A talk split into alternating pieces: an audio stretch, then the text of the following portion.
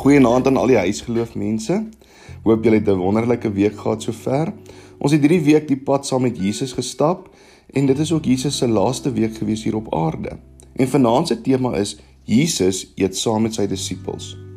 Ons sien dat Jesus se laaste aand op aarde kies hy om saam met sy disippels te eet. Hierdie mense wat vir 3 jaar saam met hom geloop het en gekyk het wat hy gedoen het, hy kies om hierdie laaste aand saam met hulle te eet.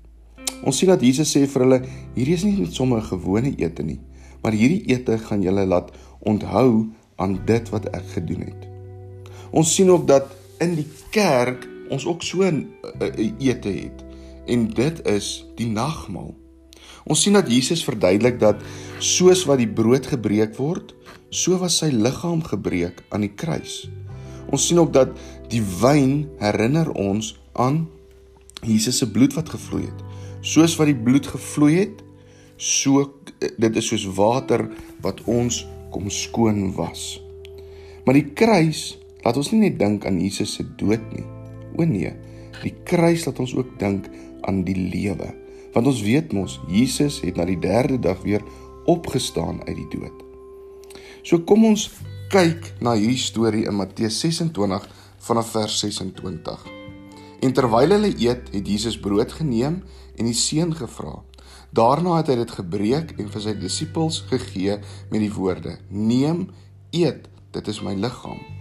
Toe neem hy 'n beker en nadat hy die dankgebed uitgespreek het, gee hy dit vir hulle en sê: "Drink almal daaruit, want dit is my bloed. Dit is die bloed waardeur die verbond beseël word en wat vir baie vergiet word tot die vergifnis van sondes." Ek sê vir julle, van nou af sal ek nie weer hierdie wyn drink nie tot die dag wanneer ek saam met julle die nuwe wyn in die koninkryk van die Vader sal drink.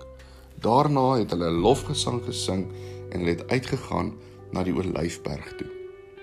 Hier is so drie vrae waarby ons gaan stil staan. Die eerste vraag is: Vertel vir mekaar, wat was nog die lekkerste kuier of ete waarby jy was?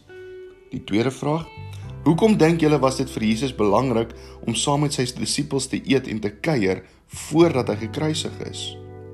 En die derde vraag: Wanneer ons die nagmaal gebruik, waaraan laat dit ons dink? Iets wat julle as gesin of as vriende dalk saam kan doen is, kry dalk 'n bietjie druiwesap of 'n broodjie en vertel vir mekaar wat dit regtig beteken. Wat beteken die brood en wat beteken die wyn? En dan vat jy so 'n stukkie brood en en so en so 'n bietjie druiwesap en sit dit daar by die kruis neer waar jy nou al die olyf olie gesit het en waar jy die water met die met die of die die bak met die met die handdoek neergesit het, ons mekaar se voete gewas het. En dan gaan sit jy ook daai stukkie brood en bietjie druiwesap daar neer en dit herinner ons aan alles wat Jesus vir ons kom doen het. Kom ons bid saam. Here, dankie vir die kruis.